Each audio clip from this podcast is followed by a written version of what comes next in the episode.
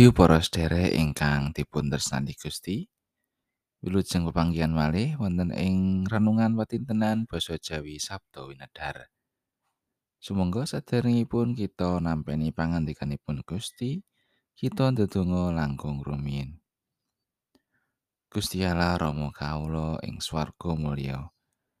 Kawula sowan malih ing ngarsa paduka Gusti. Ngaturaken panuwun syukur awit sedaya berkah pangrimat paduka ing gesang kawula. Gusti ing wekdal mirunggan menika kawula nyawisaken manah kawula saperlu badhe nampi sabda paduka. Sumangga mugi Gusti paring pepadang ing manah kawula. Kawula mugi kasagetaken mangertosi lan ngecakaken menapa ing tetes kersa paduka. Kawula ngrumaosi tasih kathah dosa kalepatan kawula. Mugi Gusti kersa paring pangaksami. Matur nuwun Gusti. Wonten ing asmanipun Gusti Yesus Kristus kawula ndedonga. Amin. Waosan dinten menika kapendet saking serat setunggal Petrus bab kali ayat setunggal ngantos dosa Marga saka iku padha mbirato saking piala sarta sarupane para cidra sarta lamis lan drengki. Apa dene saking pamitenah? Dikaya bayi kang nembe lair kang tansah kepengin marang banyu susu kang murni kang asipat rohani.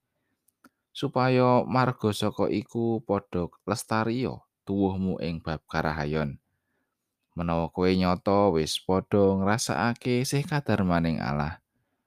Padha swano ing panjenengane kang minangka watu kang urip iku. Kang pancen ditampik dening manungsa nanging kang pinilih lan aji ana ing ngarsaning Allah.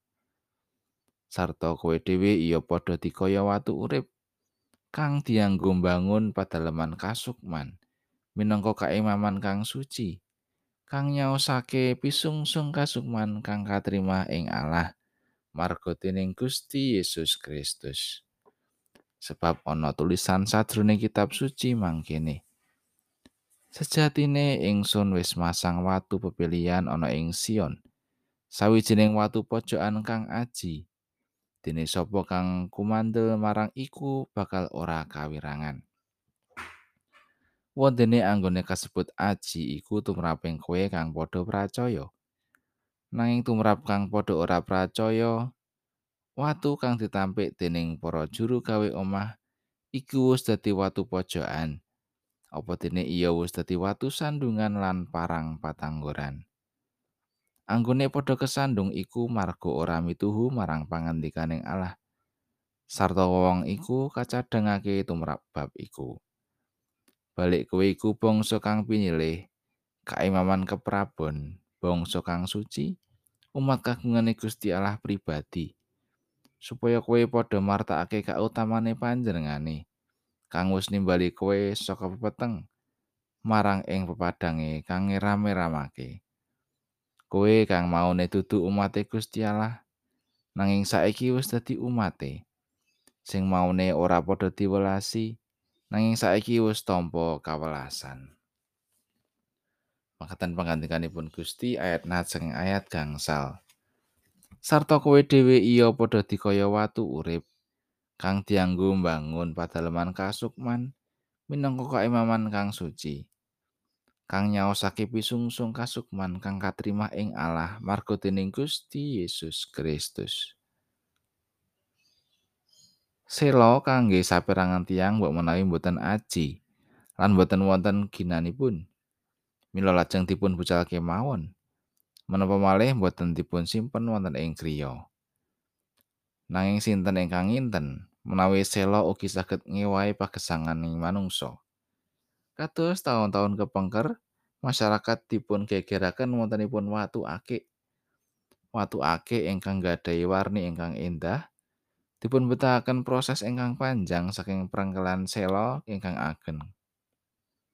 Mboten namung kaendahanipun, sela ugi tetes perangan ingkang pokok lan utami minangka tetales lan pondasi bangunan utawi griya ingkang kiat lan bako. Sela menawi wonten ing tiyang ingkang pas tenahanipun, tentu dados barang ingkang aji lan endah. Mbok menawi ing antawis kita nganggep menawi diri kita asor lan boten aji lan nganggep diri kita kados selo-selo ingkang boten migunani. Kita saged matur lan ngraosaken mekaten amargi kita dereng pepanggihan lan sesambetan kalian Gusti secara pribadi. Wonten ing paningalipun Gusti panjenenganipun nganggep kita saestu benten. Kita menika saestu aji lan endah wonten ngarsaning Gusti Mila saking menika Gusti nimbali kita mekaten. Sarta kowe dhewe iya padha dikaya watu urip kang dianggo mbangun padaleman kasukman minangka kaimaman kang suci. Kang nyaosake pisungsung kasukman kang katrima ing Allah marga dening Gusti Yesus Kristus. Ingkang dipun betahaken tumrap kita inggih menika tansah sumadyo misungsungaken diri. Lestari tuwuh lan purun dipun wangun dening Gusti. Sang tetalesing pasamuan. Satemah kita dados watu urip ingkang aji lan migunani tumrap Gusti lan sesami. Amin.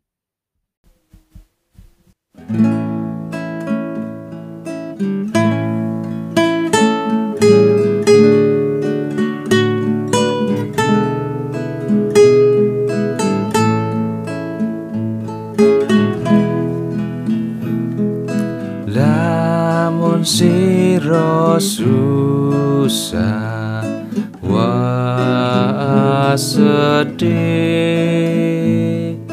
Ojo sira supe alatan tebi ojo wedi